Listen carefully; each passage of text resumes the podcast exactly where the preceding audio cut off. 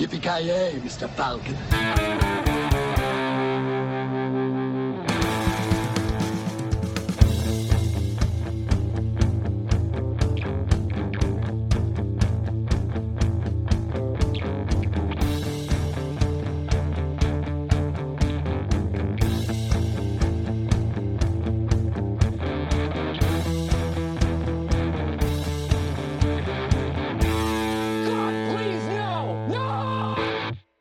Welcome to a very special episode of the Creative Meltdown podcast.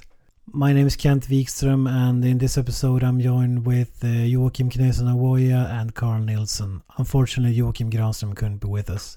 The reason why I'm talking English is because this whole episode is going to be in English. We we had had our first guest on the show in Len Kabasinski, independent filmmaker, and this was sort of a dream coming true for us since he's one of our absolute favorite movie directors of all time.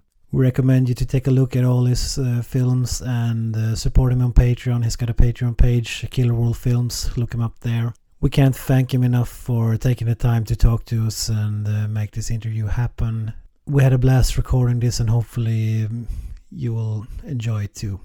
Before the interview begins, I would just like to say some words. Uh, we had some uh, technical difficulties where the sound were either missing or you couldn't hear what people were saying. So we edited them out, um, and there's going to be an audio bumper you know, quite early in the interview. And uh, after that, Len talks about MMA legend Dan the Beast Severn, who acted in one of his films. I'm going to stop talking now, so enjoy. Oh, I was just going to introduce myself for those that are listening that don't know me. I'm uh, micro indie filmmaker Len Kabasinski.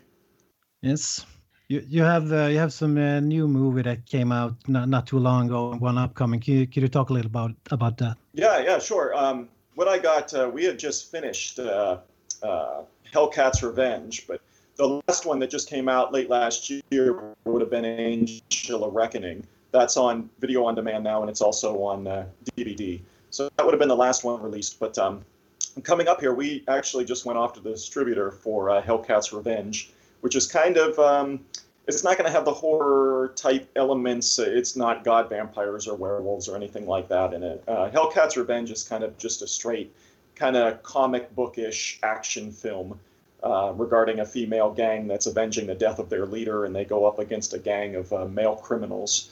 So uh, that that um, it doesn't have a release date yet, but it is at the distributor. Usually the turnaround for that's about six months or so. So I'm hoping uh, they'll put Hellcat's Revenge out to uh, video on demand and DVD, uh, hopefully by like November-ish timeframe.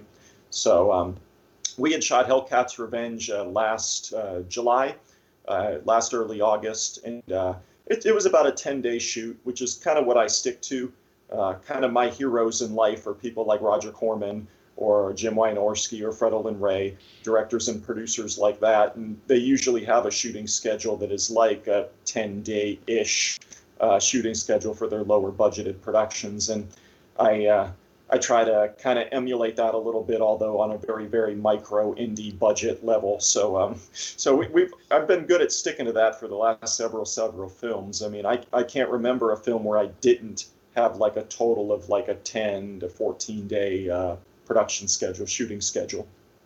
So, well, this must be intense days shooting in that short period of time. How is that? Yeah, um, shooting on average, it really depends on what location we're in. Um, a lot of times, if uh, obviously we're shooting outside and it's daylight, you know, we only have whatever eight eight hours maybe to get uh, you know uh, the proper lighting before it's going to change.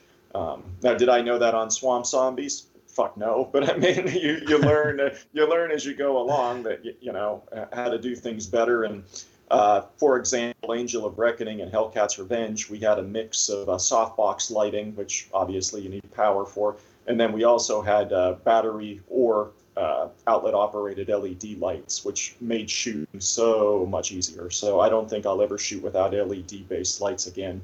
So, because they could be battery operated or power operated through an outlet. So uh, that made it easier. But uh, yeah, it really depends on what location we're in. I know if I'm going to be indoors at like a, you know, for example, Angel of Reckoning shot at a nightclub on a day that they weren't operating. So I really had free reign to do what I wanted. And but if there was a day where they were say going to open at seven o'clock I could get there at nine in the morning, set up my equipment and film, and I'd be out of there at like five. So it really depends on what setting I'm in. Um, Hellcat's Revenge, we had two locations that served as the uh, male criminal clubhouse for their motorcycle gang, and it was an, an operating bar uh, that was going to start operation at I think six or seven o'clock. So we got in at 9 a.m. and we finished about five. So it really depends on the location we're in.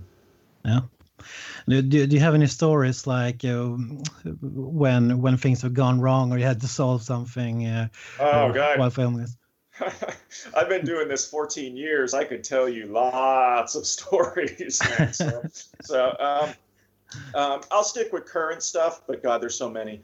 Um, I've only been almost arrested once. Uh, that, that, was on. Uh, I, normally, I got the support of tons of people. I'm from Erie, so most of the time I shoot here, so I got a lot of resources here.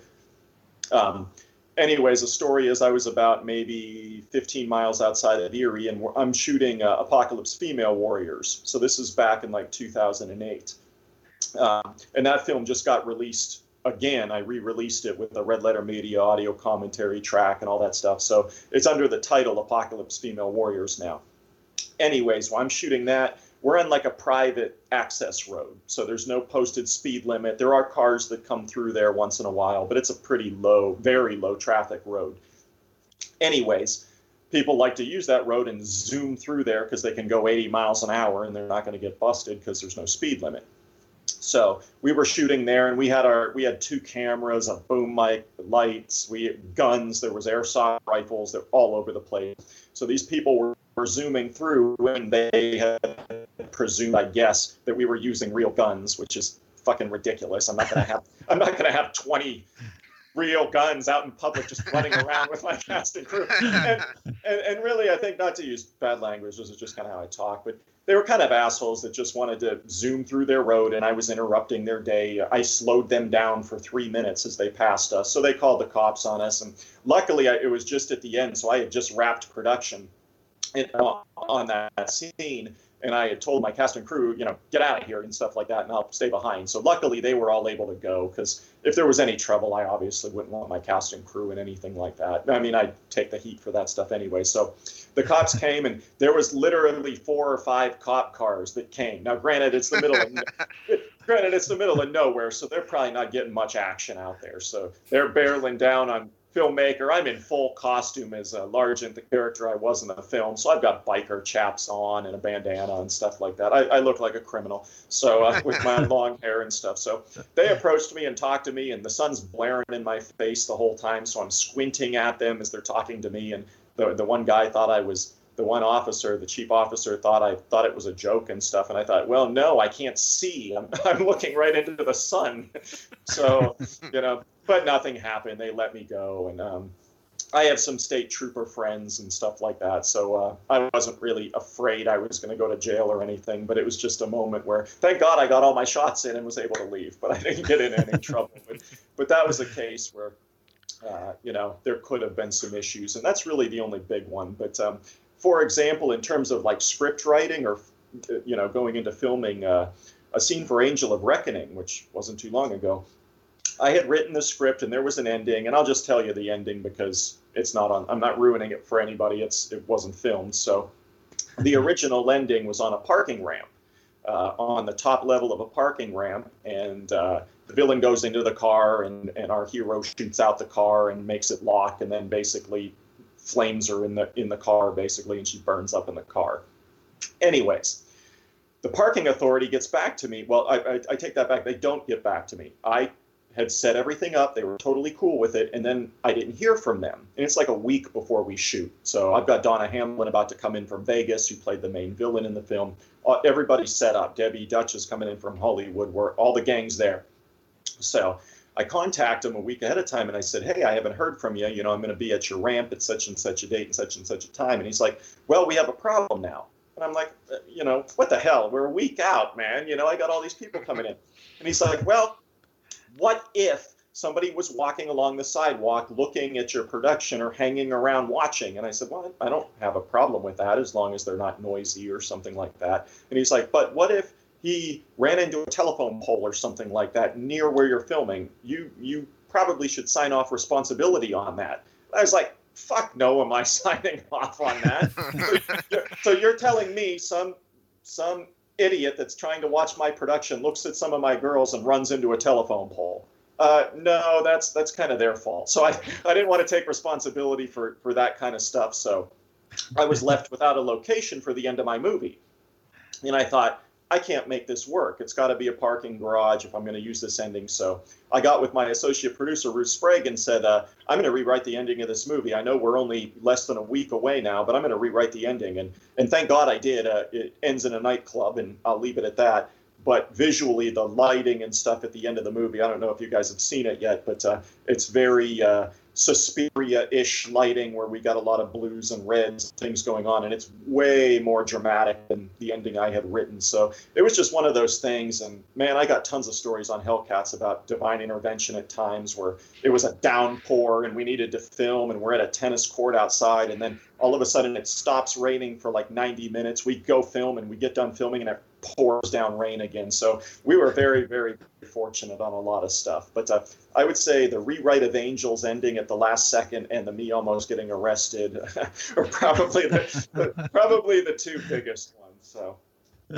That's some great stories. I could imagine uh, when the police got, the call, like 20 guys with guns yeah, it, it, was it was scary. I mean, I'm I'm pretty. Uh, I mean, I'm a pretty mellow dude. I'm a pretty zen kind of guy. I don't get too worked up about stuff. So e- even when the cops were there, I, I, I was pretty cool. I mean, I, I, could see people saying, "Oh my God, there's all these guys bearing down on you, these cops, so you're going to shit your pants or something like that." I'm like, no, you know, I, I, I, stayed pretty cool about it. I mean, it was scary, but I, I didn't really lose my cool about it. I mean, I knew I didn't do anything wrong per se. I mean, I get it, the airsoft rifles. They, they are, man, today, you know, you got to be careful because these airsoft rifles look real, dude. There's, and you know, you're spending 12 or 13 bucks on them and you're getting a really cool looking uh, a gun. I think uh, the most expensive one I had was an Angel of Reckoning. The, uh, the lead character of Rachel there has a sniper rifle at the end of the movie, and it's pretty decent looking. My dad, uh, has been into guns and hunting and stuff his whole life, and he saw the sniper rifle and was like, "Oh my God, Len, this is just amazing." Thought, oh, really? So you got to be careful going out in public with airsoft rifles because a, a, lot of them are cheap and a lot of them look really good these days. So. Yeah.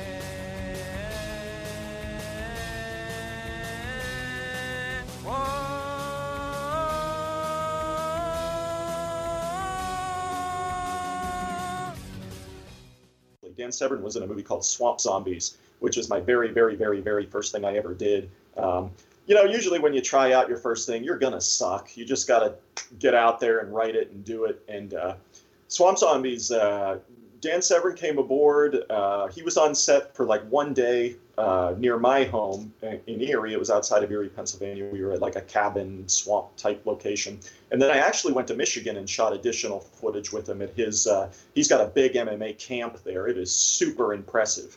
He's got oh, his really? own. Oh, it, it's amazing. Uh, guys stay there. There's bunk beds. There, there's kitchen. I mean, I mean, that there's one section that's donated because he was actually a champion pro wrestler as well. Um, there's a pro wrestling section where guys work on cutting promos and acting and stuff, not just you know the the physicality of professional wrestling. But he had that section, and then he had an MMA training session. He actually had his own professional wrestling federation, which I think I think he still does. And this is in Michigan, so he was by a bunch of woods and stuff. And I think this is Coldwater, Michigan anyways, he had a bunch of woods and, property outside of his house that I said, hey, you know, I could come up and we could film a larger fight scene with you and some some zombie characters. And he did, and I went up there for the day and. I tell you what, a, what a super nice guy though. You would never know that he would just rip your head off if he if he wanted to. I mean, he, you know, you know, I, when we were in Erie, we got done filming for the day. Uh, we went out to Pizza Hut with him he ate his pizza with a knife and fork actually, and that's that's foreign to me. I just scarf it down. but yeah, he, he, ate pizza with a knife and fork. He was super polite. I mean, you could tell this man had like discipline arts in his life with wrestling and martial arts and stuff. So nice to everybody. Uh, even the waitress at Pizza Hut, it was yes, ma'am, yes, ma'am, yes, this. I mean, total polite, total polite gentleman. I mean, he uh, you know, we had we're going to work together again, and I think it was Warriors of the Apocalypse actually. But I mean, the man is nonstop busy. I mean, he's always doing something. He trains law enforcement across the country. He's obviously doing MMA appearances and stuff like that. And in 2004, when I did Swamp Zombies, he was still competing. He was still doing mixed martial arts. I mean, he competed well into his 50s. So, um, yeah, really super, super nice man. I, I hope to work with him again in the future. I mean, we have a good, you know, relationship. I still, you know, we still talk once in a while to this day. And, uh, uh, yeah, hopefully I get to work with him again. He was super.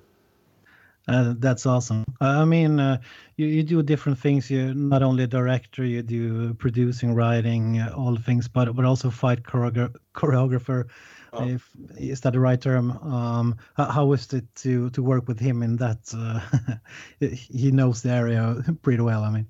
Yeah, actually, this is this is a pretty funny story for people that know MMA or, or wrestling or martial arts uh, there's a kick in martial arts called a crescent kick, where you kind of take your leg and go inside out or outside in. And uh, Dan performs it in the fight scene with one of the zombies. Dan did not know what a crescent kick was, so I taught I taught me Len little old Len here taught Dan Severn how to do a crescent kick. So that, that's my claim to fame in Dan Severn's years of martial arts and wrestling training. I taught him how to do a crescent kick. So, but uh, with with him in fight choreography, obviously he can kick and punch and stuff like that. But the crescent kick he didn't know, so I'm really happy about that, and uh, I taught him something new.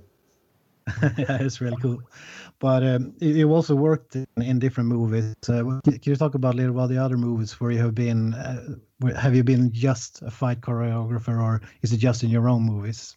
Uh, what I do in fight choreography, and this is how I started, was I had uh, certified um, got certification for fight choreography through the American, uh, the Society of American Fight Directors. Now, what they do is they do film, but they also do live theater, and uh, they'll do like theater weapons, like you would expect, like Shakespearean weapons or broadsword, that that kind of stuff. But they also do unarmed combat, and uh, so I went out and certified through them. This is probably like 1996.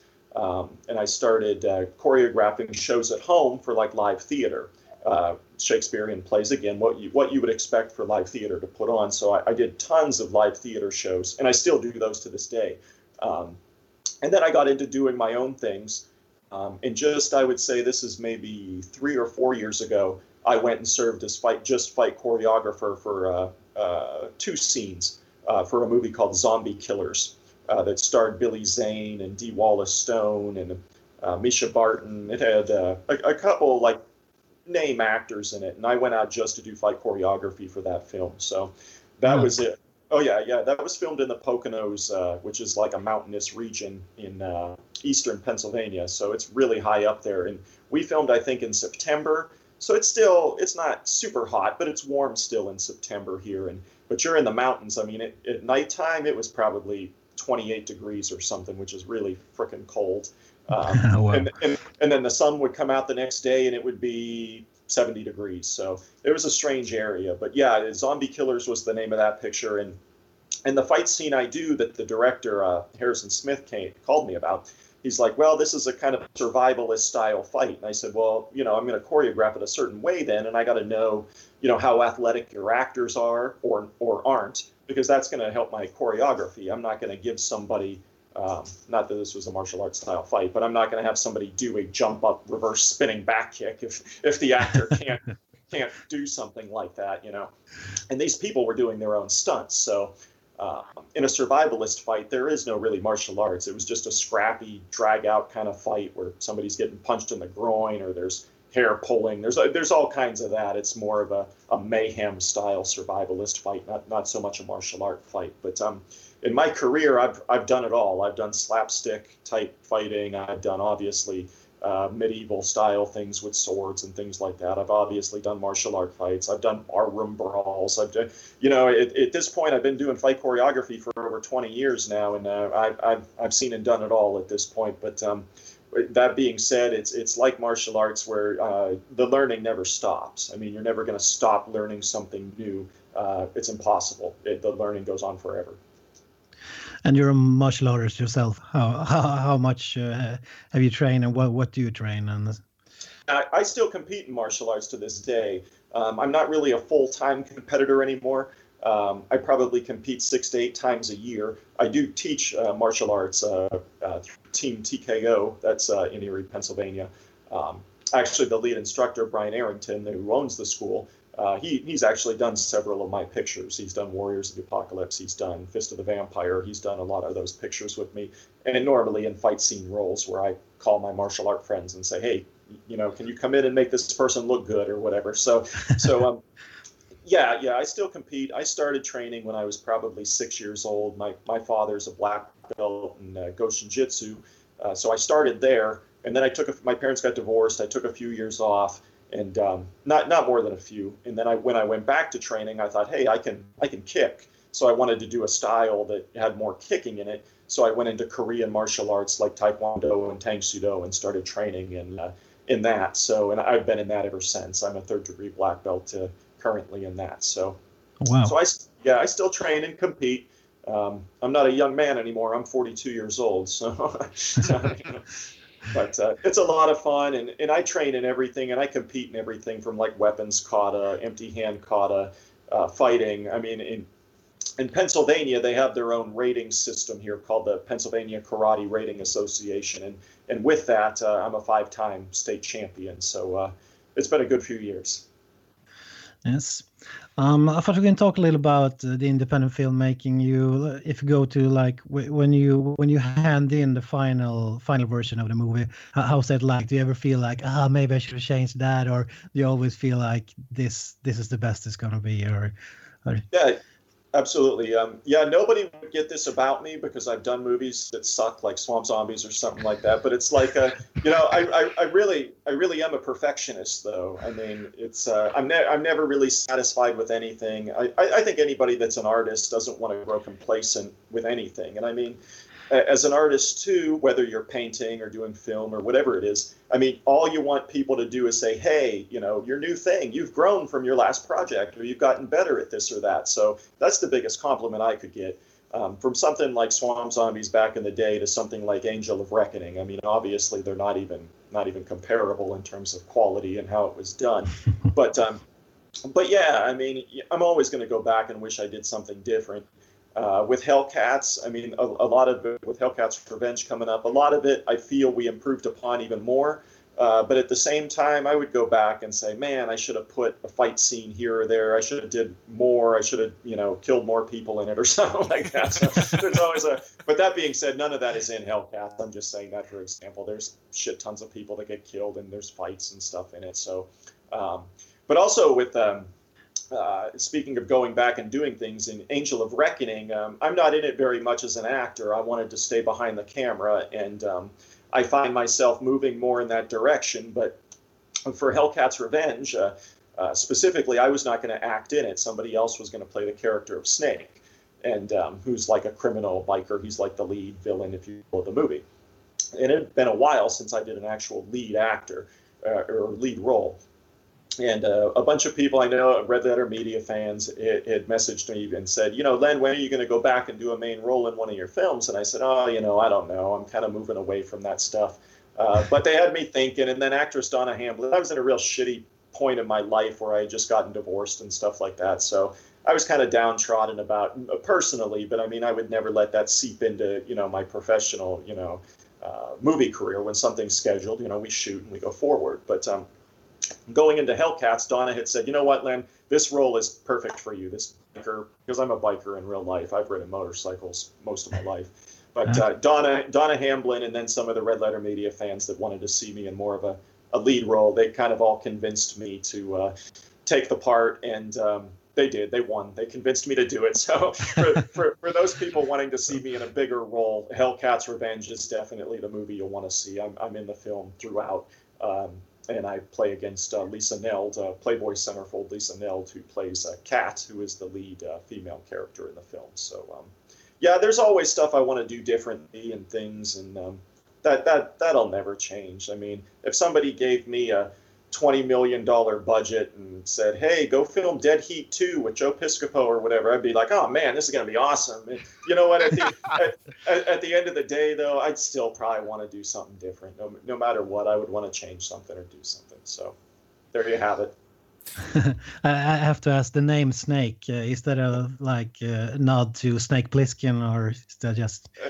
uh, I love those movies. I love Escape from New York, and I like Escape from LA too. But but no, it had nothing to do with with, with Snake Plissken at all. But uh, good question. but actually, what it had to do with is it's really is a common name in the biker community.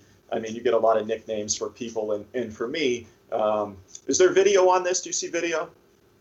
Yeah, yeah, yeah, can see. Yeah, I, I, I have a snake tattoo around my arm, so oh yeah, it, yeah. it, it kind of meant it, it's kind of uh, was an easy call to play snake. And in the movie, I mean, my tattoo goes around and loops around and ends right about there, but in the movie, it spirals all the way down my arm. I had a fake uh, tattoo that extended down my arm for the movie, in which a makeup artist came in and, and did for me. So.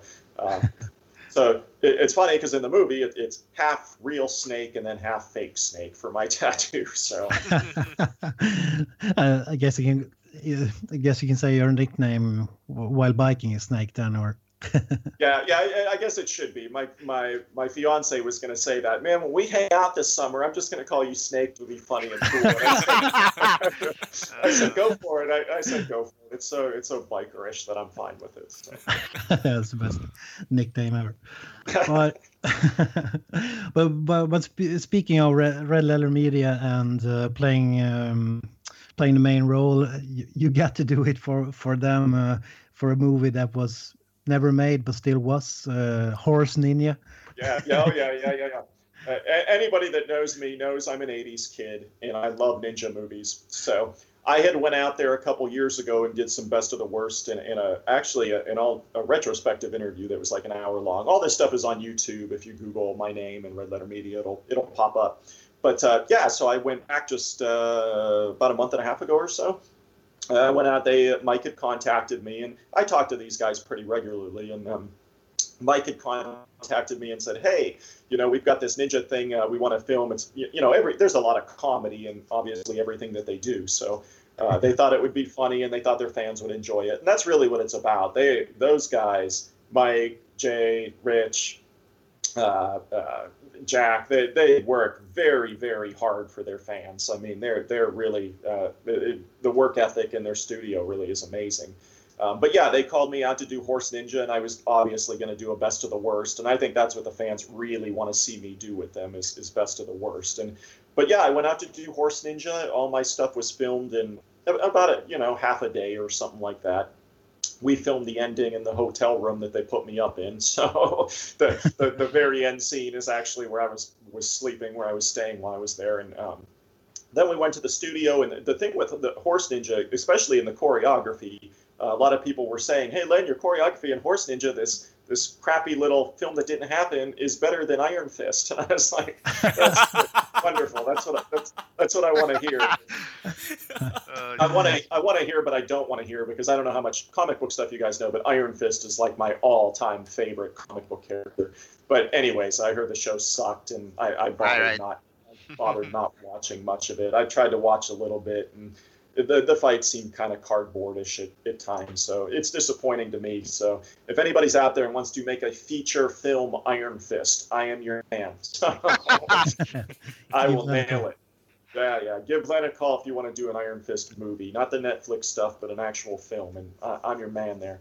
But uh, yeah, Horse Ninja was a lot of fun, but doing the choreography and stuff with the mask I couldn't see out of the fucking thing. I could not see what the hell I was doing. So, so a lot of times the, the actor I was working with that had some experience that played the one big guy you see in it, um, he had some stage combat theatrical experience. So I trusted him that you know if I say throw throw a right hook punch, I, I know where he's going to be at. So I'm almost doing kind of a Jedi thing where I'm trying to do moves blocking stuff where I don't exactly know where it is, but. Uh, I was able to pull it off, I think, and a lot of people enjoyed it. So, and that's why I do stuff like that. It, it's sure it's fun for me to do, but at the same time, you know, try running around in a mask for two hours that you can't freaking see out of, and have some huge guy throwing punches at your head. So, but uh, yeah, if people enjoy it, that's why I do it. So uh, yeah, it was a lot of fun doing Horse Ninja. And actually, I, I don't have the prints on me. I'd show you, but Freddie Williams had contacted me and said, Len, I want to send you some some prints of mine. What, what do you want? So he sent me the Horse Ninja print and a, a couple of his other original prints he did. So uh, really, oh, wow. there, there, there's some great guys involved in Red Letter Media, and uh, yeah, I, I can't thank them enough. Uh, the one thing I was very surprised with going out there and doing some of their some of their things were the people that knew me already uh, before I did stuff like that. So that was kind of a I'm kind of a mellow, humble dude. I don't really know. I don't think of myself as like a star or this indie legend, which I've been called before. I don't really see myself as that. I just see myself as Len, who's a dad of, you know, my kids. You, you know, I'm, I'm a normal. Uh, actually, where I'm at now is my my den. I just bought this house a couple months ago, so we're in my movie den. I think you can see Swamp Zombies up there and Skull Forest posters. And if you go around the room, it's all it's all movie posters and stuff. and so, but uh, but yeah, so yeah, Horse Ninja, a lot of, lot of fun, a lot of fun. Yeah, I know a lot of our listeners uh, watch um, Red Letter Media, but it almost feels like now that you're a part of the crew, or you, you recently were on an episode of Best of the Worst, and yeah. uh, does it feel like that to you, or how do you see it? Um, really, honestly, I feel like we're kind of, and I, I don't know if they feel this way or not. I hope they do, but we're kind of kindred spirits in terms of uh, the material that they're doing. I mean, Mike will say everything's the worst movie he's seen, but you know what? We all we all love these kinds of movies, though.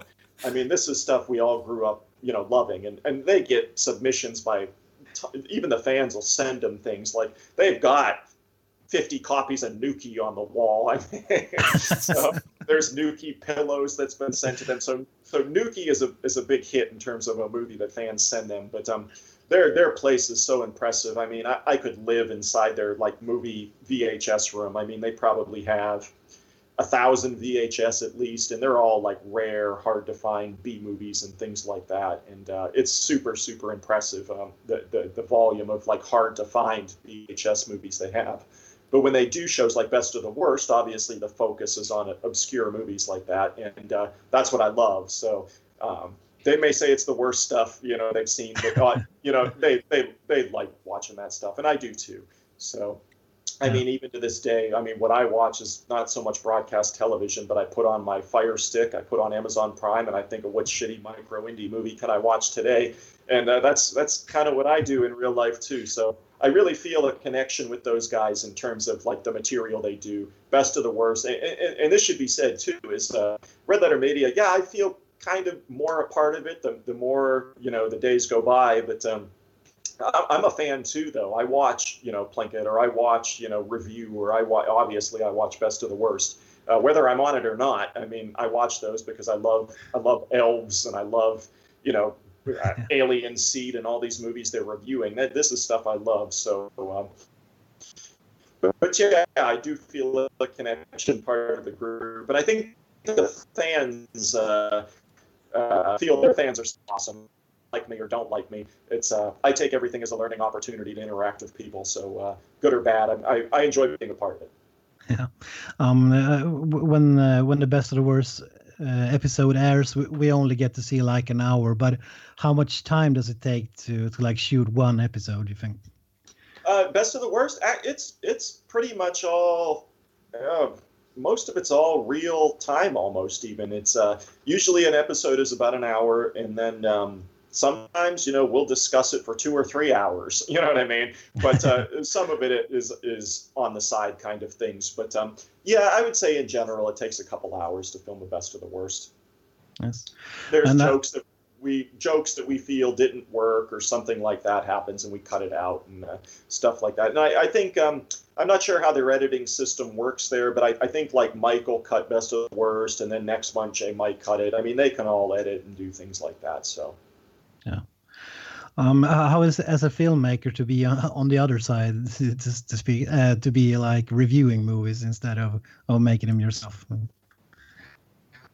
Yeah, and, um, I like it because I would watch this kind of stuff anyways, like I said. But um, things. I mean, I made Swamp Zombies for God's sake. I'm not really qualified to like, uh, you know, cr- cr- critique movies. Now that being said, people are like, "Oh, Len, Angels, Angel of Reckoning is so much better. You should, you could, you, you're qualified to go back and critique movies like this, this, or this." And I said, "No, you know, that's that's not my personality though either. I, I know how fucking hard it is to make a movie, and I mean, no matter what the budget level is or whatever, you could shoot it in your, your backyard, and it's it's hard to put a film together, and it's hard to schedule everybody if you've got a, a larger cast or something. So I know how hard it is to make one. So I don't so much critique the films on Best of the Worst, but what I what I do is more like uh, chime in and give experiences and kind of talk about things without being like critical of them.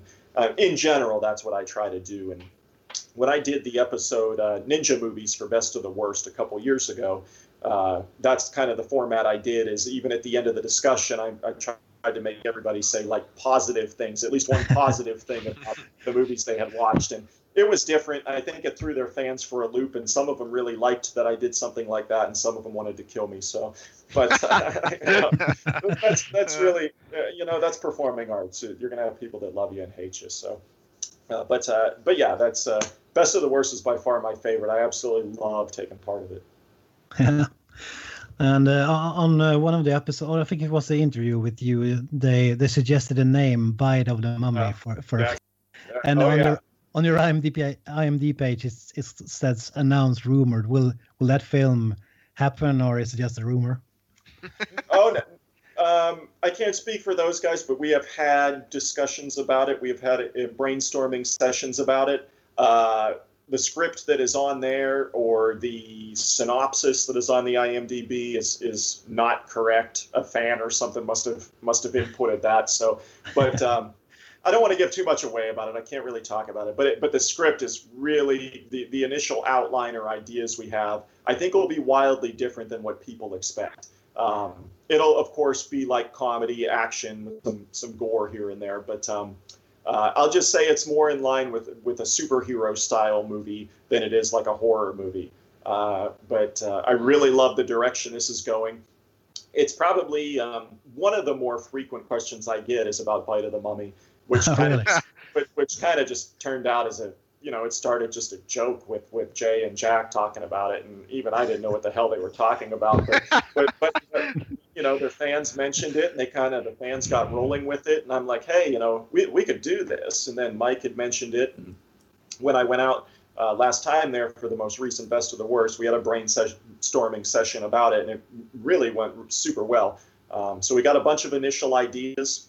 Uh, where it would be at now is, you know, and I do this in my own films, is you got to produce to what you know you can get though in terms of like locations. I mean if we need a museum can we get a museum? You, you know those kinds of things we got to be conscious about when we write the thing because we want to make sure we can accomplish what you know what we're writing. So it's kind of in that producing kind early producing phase uh, but uh, is it going to happen? Yeah it, it's, it's going to happen That's awesome. Look, looking forward to see seeing that movie. Yeah, Um, but with the things with Bite of the Mummy is is they're basically handling all the writing and post production and things like that. Uh, a lot of things that I would handle uh, is, is the directing, producing. I don't know if they really have to do that uh, at this point in their careers, but um, they're handling all of that stuff. When they're ready, they'll call me uh, ideas, you know, for myself that are in there. But really, everybody had ideas that got used in the outline. I mean, obviously, Mike and Jay and Rich, uh, myself. I don't think Jack was there that day uh, that we were brainstorming, but um, uh, pretty much an idea from everybody was was used. So Yes. Um, that's one thing I'm curious about. Also, uh, being an independent filmmaker, how how much creative freedom do you have? Is it like uh, we think that you can make like all the decisions yourself, or are you restrained to at some point, or how, how does it work? Yeah, it's um I don't want to say it's a dictatorship, but I mean any, any kind of business or model or anything, you know, it's a pyramid. At the top, you come to one person, and in Killer Wolf, that one person will always be me. Um, that being said, um, everybody chimes in with things. Um, if I trust you and you're on my set and I feel creatively I trust you with things, I'll I'll listen to you. Um, Chris Young, my my post production coordinator, and he edited Hellcat's Revenge and Angel of Reckoning, and uh, also um, the uh, newer version of Apocalypse Female Warriors. He even said in an interview one time when everybody, because the first question he probably gets asked asked is, uh, "You work with Len? How's Len? How's Len when you're on set with him or working with him and stuff?" So I know he gets that question, and and he had said one time he said that you know what, Len is very definitive of, about his ideas, and when he films, he has that very tunnel vision about things. But he said, but when Len trusts you, he can be very collaborative with ideas, and and that's how I, I think that's probably a good description of me. If uh, if you've been on other stuff of mine or creatively, I respect and trust you in some kind of area. Um, I'll listen to ideas. And in, in, Hellcat's Revenge, there probably is about three or four ideas from other people that are that are used in the movie, uh, including a, a, piece at the ending. Uh, not all of the ending, because obviously a lot of it is, is mine. But somebody had uh, you know chimed in with, a, "Hey, we should end the film with a little thing like this," and I thought, "Okay, cool." And it ended up in the final cut of the movie. So uh, I do listen to ideas on set.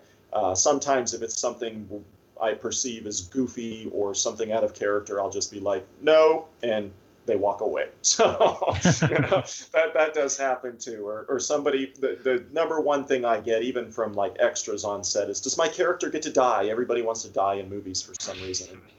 And I, I you know I said, you know, a lot of times I'll have an associate producer kind of be a buffer between me and and other cast and crew members just just because I don't have time to deal with a lot of stuff. And I don't say that to sound like a dickhead or anything, but I'm so busy on set that, you know, I can't talk to everybody. It's just impossible when I've got to film eight scenes in the next 15 hours or something like that, you know. So, but I try to be super interactive with people. I don't care if you're somebody that's getting coffee for somebody or you're the lead actor um, I treat everybody the same. No, nobody really gets treatment from me. Scream for me, Long Beach! Scream for me, Long Beach! In this part, Len talked about how, how much he liked comic book movies and comic books in general, and he got the question what his favorite uh, comic book movie was. And I could watch it over and, and over and over again, and I probably honestly in my life, and that is 1989's uh, Dolph Lundgren's The Punisher. It's probably it's, probably my favorite. You know, that, that's probably my favorite comic book movie. I love it. It's it's The Punisher versus the Yakuza, and um, actually, you know, I collected a lot of Punisher books and stuff, and a lot of people that didn't like the movie, like, well, he didn't have the skull emblem on his chest and stuff. It's like, people, let's be real for a minute. He's killing people in stealth a lot of times. He doesn't want to be seen. You're not going to wear a bright white skull on your chest so everyone on earth can see you. So let's be realistic. And he lived in a sewer for God's sake in the in that movie. You're going to wear you're going to wear durable clothing. You're going to wear, you know, biker black leather durable clothing and stuff if you're going to live in a sewer element and ride motorcycle all day. So but um, and then people were like, oh, you know, the Dolph one, it's not really like the comic and this and that. I'm like, what comic did you read? He's he battled the Japanese yakuza. I mean, what, what are you talking about? So, um, I, yeah, Dolph Lundgren's The Punisher is probably my personal favorite. Do I think it's the most well-made one of all the comic book movies out there? No, of course not. It's a lower budgeted film, but I mean, it's probably my favorite. We actually talked about that movie on a podcast as well. I love the film also. Uh, some some of the other guys also.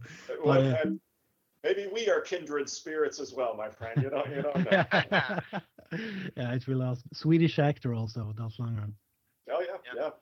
Incredibly intelligent guy in real life too. I mean, people would never know. I mean, they think he's this just beefcake, brainless guy, but I believe he graduated like chemical engineering or something. I mean, something where you've got to be pretty freaking intelligent to graduate. so, you know, yeah. smart dude. Yes. Uh, Carl, do you have any questions for Len? Uh, you were talking about uh, Swamp Zombies as one of your worst films, uh, and how you can't. well, my first. Yeah, sure, uh, but it's also your most hated film by yourself, if I assume correctly. yeah, you're correct. Uh, but I, I just wonder, then, uh, you said that you gain something new uh, from every movie that you make. Uh, what did you uh, gain in terms of knowledge or uh, enlightenment uh, regarding filmmaking from Swamp Zombies? Sure. Um, from Swamp Zombies, what I realized is, you know, um, I didn't want to work with a cast of like 150 people again because it was so hard to coordinate. Uh, people will chime into me all the time saying, "What's your least favorite aspect of filmmaking?" And it's so much hands-on work for me. Uh, the, the thing I hate the most is trying to coordinate everybody's schedules together. When you've got a set that has 20 different people on it, uh, it's really difficult to coordinate everybody's schedule and get them on set together at the same time. So I learned in Swamp Zombies, I had a humongous cast in that movie.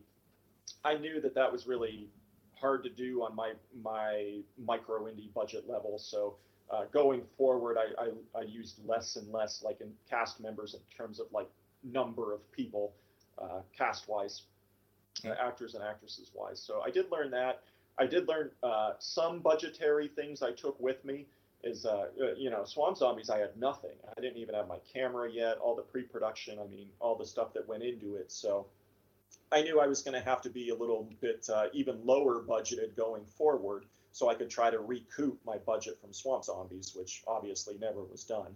But um, you know, I learned uh, how to keep a tighter budget, how to save and cut corners budget-wise here and there. Uh, also, like I said, coordinating massive amounts of cast members.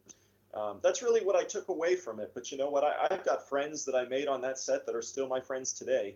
Uh, I really wouldn't trade my experience there for anything. I mean, when you start off, it uh, it teaches you how to have thick-skinned with stuff too. But I mean, you know, at the beginning, I kind of knew what I was making, but didn't really know how to do it, kind of, kind of thing. Yeah, so, yeah. so I took a lot of those things. I took a lot of those things going forward. But you know, uh, things people probably didn't know about because they, they just see a crappy movie or whatever. But you know, we used lights, we had soft boxes, we had lighting, we had things that you know people say uh, you know we didn't have or whatever. But yeah, we used all that stuff. We just didn't know what the fuck we were doing.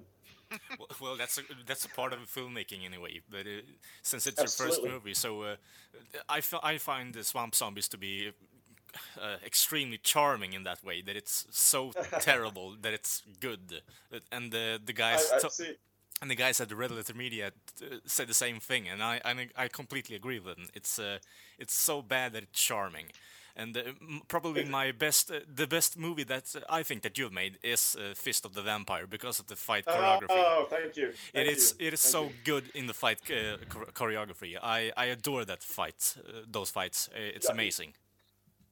You know, it's funny you mention that because um, Fist of the Vampire soon is going to come out on Amazon Prime. I don't know if you guys have that where you're at, but uh, Amazon Prime is like you can watch free movies on it and stuff. So, or you can have your movies for rent and stuff on there. And I just got done. You have to close caption your film uh, for challenged individuals here, and so I I do that. So I had to type out the whole movie on screen and close caption it. Mhm. So I basically lived a vampire every day, eight hours a day for three or four days in a row. while I closed captioned it uh, because it's going to come out again because I have the rights to that film back. So I'm going to put it on Amazon Prime and things like that for people to watch it for free. Cool. And um, uh, the fights, when I revisited, uh, I still have a lot of love for Fist of the Vampire.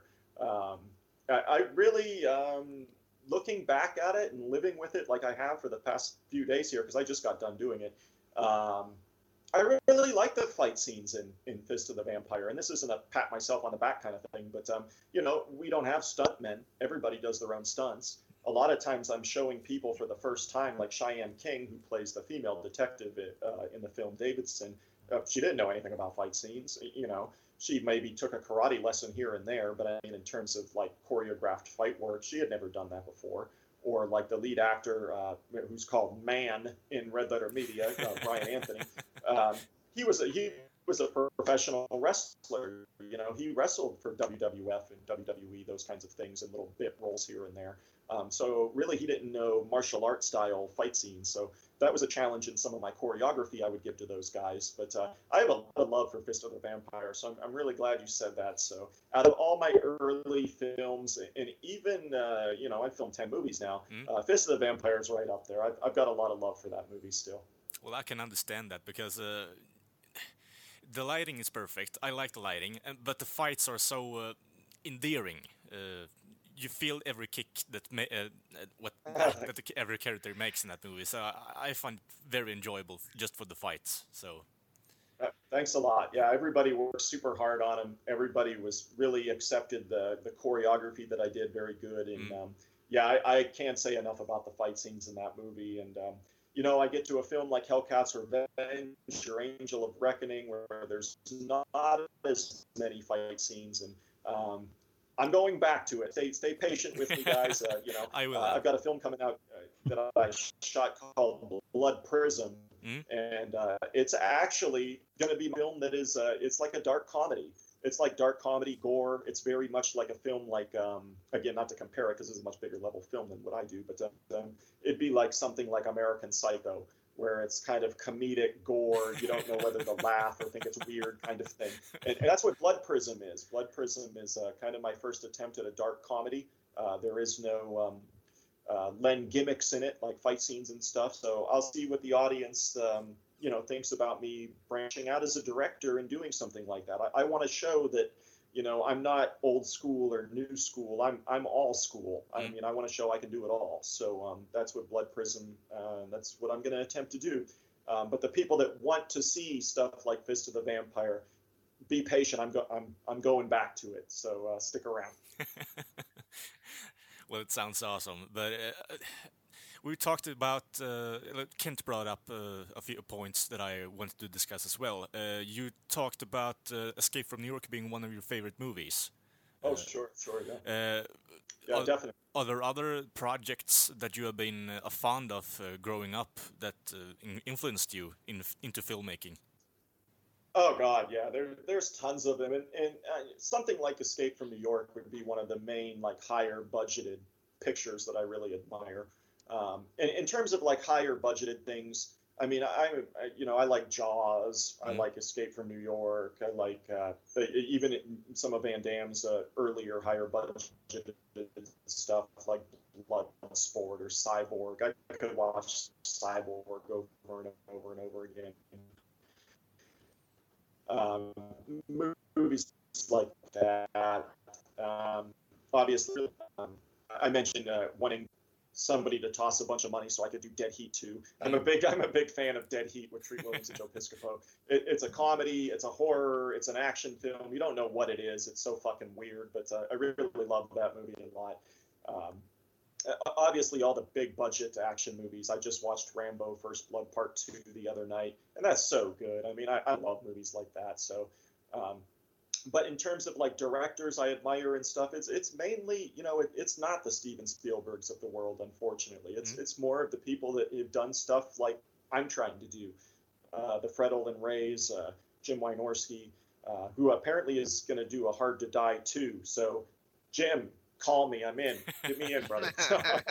but uh, but guys like that, um, I, I, really admire. They do films that I love growing up. I mean, I love B movies. I, I love the, the, the the actor running around in a monster suit killing people. I don't need digital effects. Throw the guy in a fucking rubber suit and have him go around killing people, and I, I love that stuff, man. So.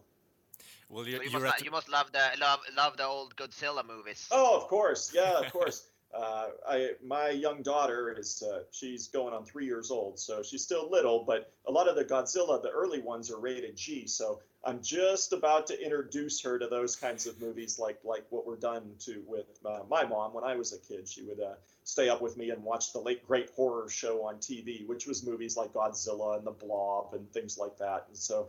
Uh, I was really fortunate to have a mom that stayed up with me on Saturday nights to really have fun and do those things, and um, I could see that me doing that with my kids as well. So uh, yeah, I, I love Godzilla. I love a lot of the Roger Corman movies of the 70s and 80s where it's guys in rubber suits, like The Terror Within. I like that film a lot. Um, I, in fact, I just watched that a couple of weeks ago. Um, uh, films like that I really admire. Humanoids from the Deep, stuff stuff like that. Awesome. I, I'm curious. You your movies tend to drift a lot towards horror movies. I'm a big horror movie fan myself. How why is that a coincidence or is it just what you grew up watching?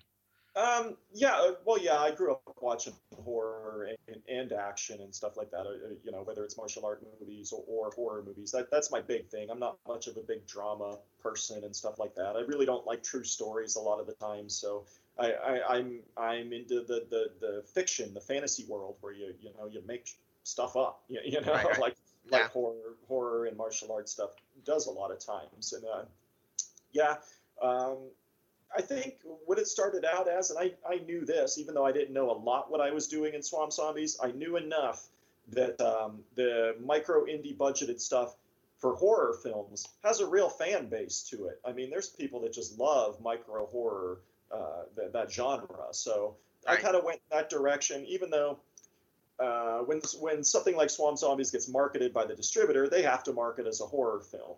Uh, so I, I'm sure a lot of people hated me for that, but that really wasn't my decision. I mean, Swamp Zombies to me, when I'm making it, is uh, more of like action, campy horror type stuff. It wasn't meant to. I mean, you see the poster behind me; it gets marketed with this cool artwork, and it gets marketed as a, as a legit horror movie when it's really more of a campy, uh, shitty, weird movie. Right, right. Um, I guess one thing we haven't talked about, uh, you also have a Patreon page. Um, Yeah. So John, you may want to talk a little about about that. Yeah, yeah. What I did with that is um, I don't. Um, it, it's Patreon.com and it's slash Killer Wolf Films. Uh, so that's how you can find us on there.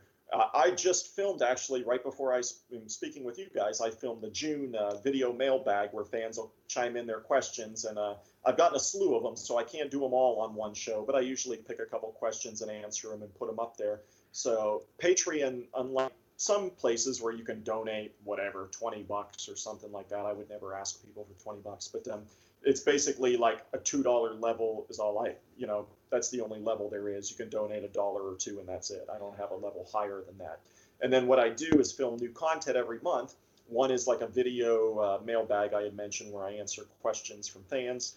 Uh, the other one I film is a uh, called uh, Lens Forgotten Movie Den, where I'll pick a bunch of B movies, uh, stuff that influenced me or that I just want to bring to people's attention that might, uh, you know, not have seen or heard of this kind of movie, and then I put it out there and talk about it. Again, it's not so much a critique than it is just kind of, hey, I want to bring this film to your attention. I really love it.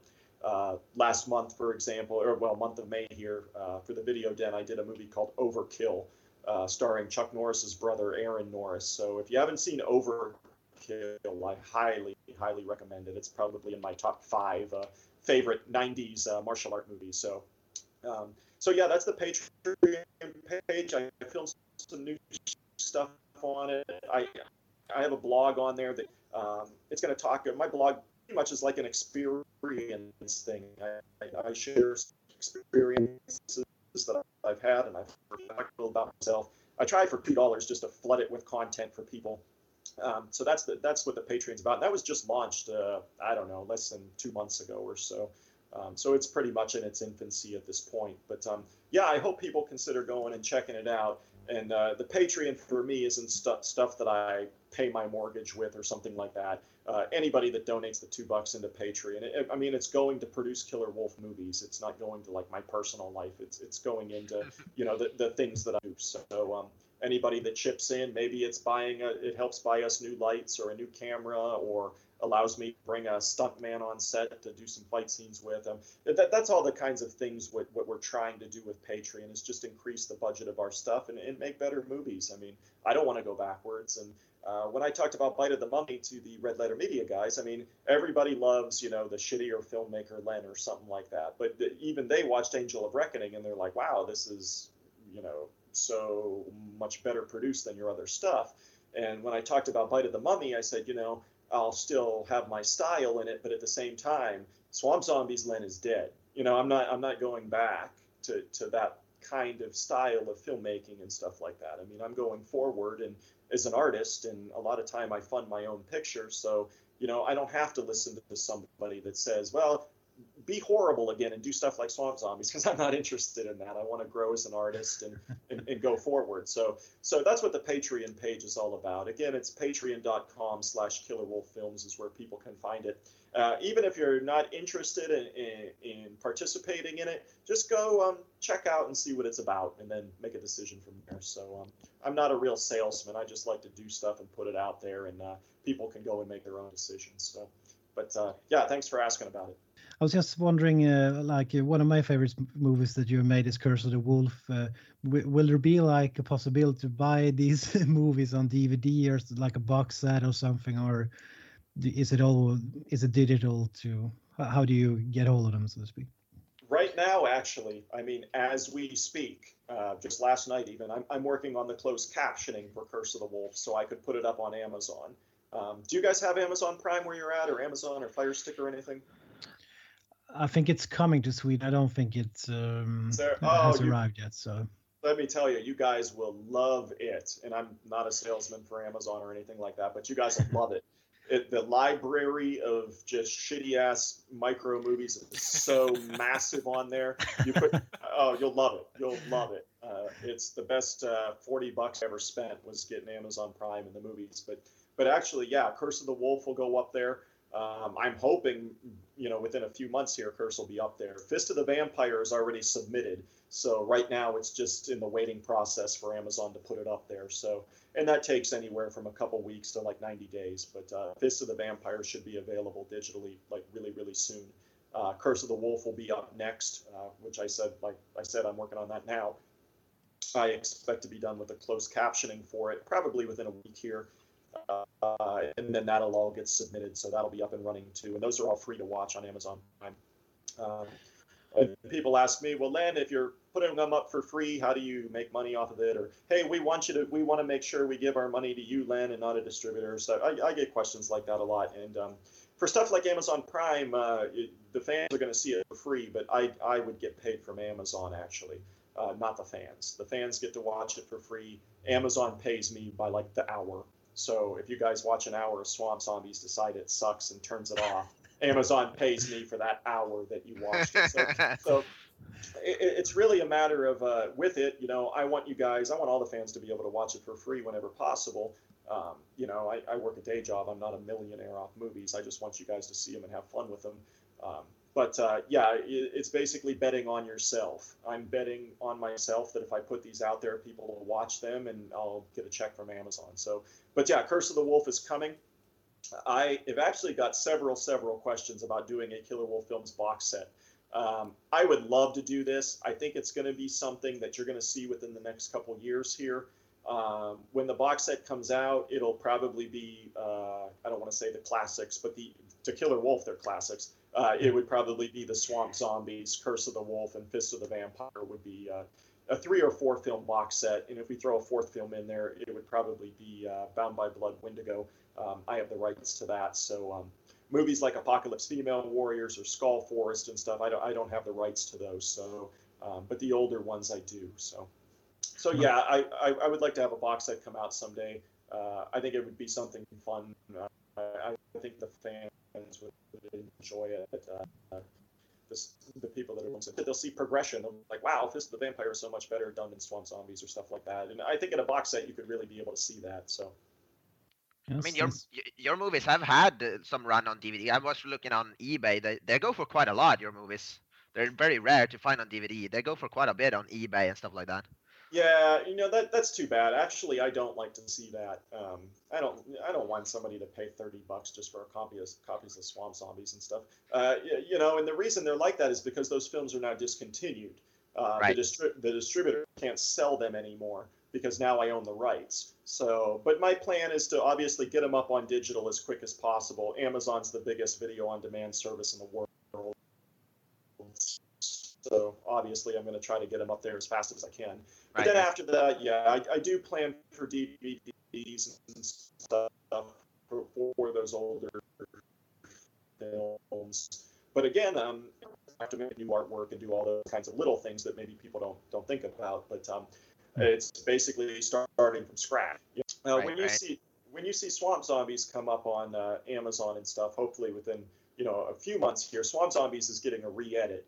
Um, it's not going to be not to worry people that want to see the shittiness of Swamp Zombies. It's not a total re-edit, um, but it is. I'm going to chop probably about a half hour or so off of it, so the runtime is going to be more like 90 minutes or so.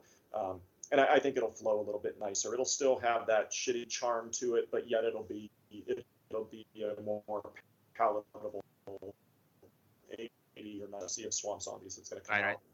the re-edit for that is scheduled for July.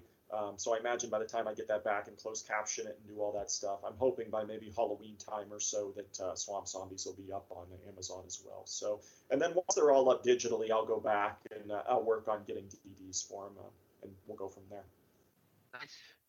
Uh, and you're also working on audio audio commentary for Hellcat's Revenge. Uh, when when will that be out? And... Yeah, Hellcat's Revenge is off to the distributor as we speak, and actually for the audio commentary, I just cut that yesterday, so that was very very freshly done. I did it yesterday afternoon, and uh, the commentary track will feature. Um, uh, Foley and sound designer M.K. Smith, and it'll also feature my special effects artist from the last several films, uh, who also has a role in the film as an actor, as Repo, um, Mark Kazabaki, and um, it'll be those two guys and me on the audio commentary for Hellcat's Revenge. But um, the distributor, it's all up to them when they want to put it out. They um, obviously it's a lot of marketing on their end when they feel the best month, you know, to put that out is whether that's September, or October, you know, whatever.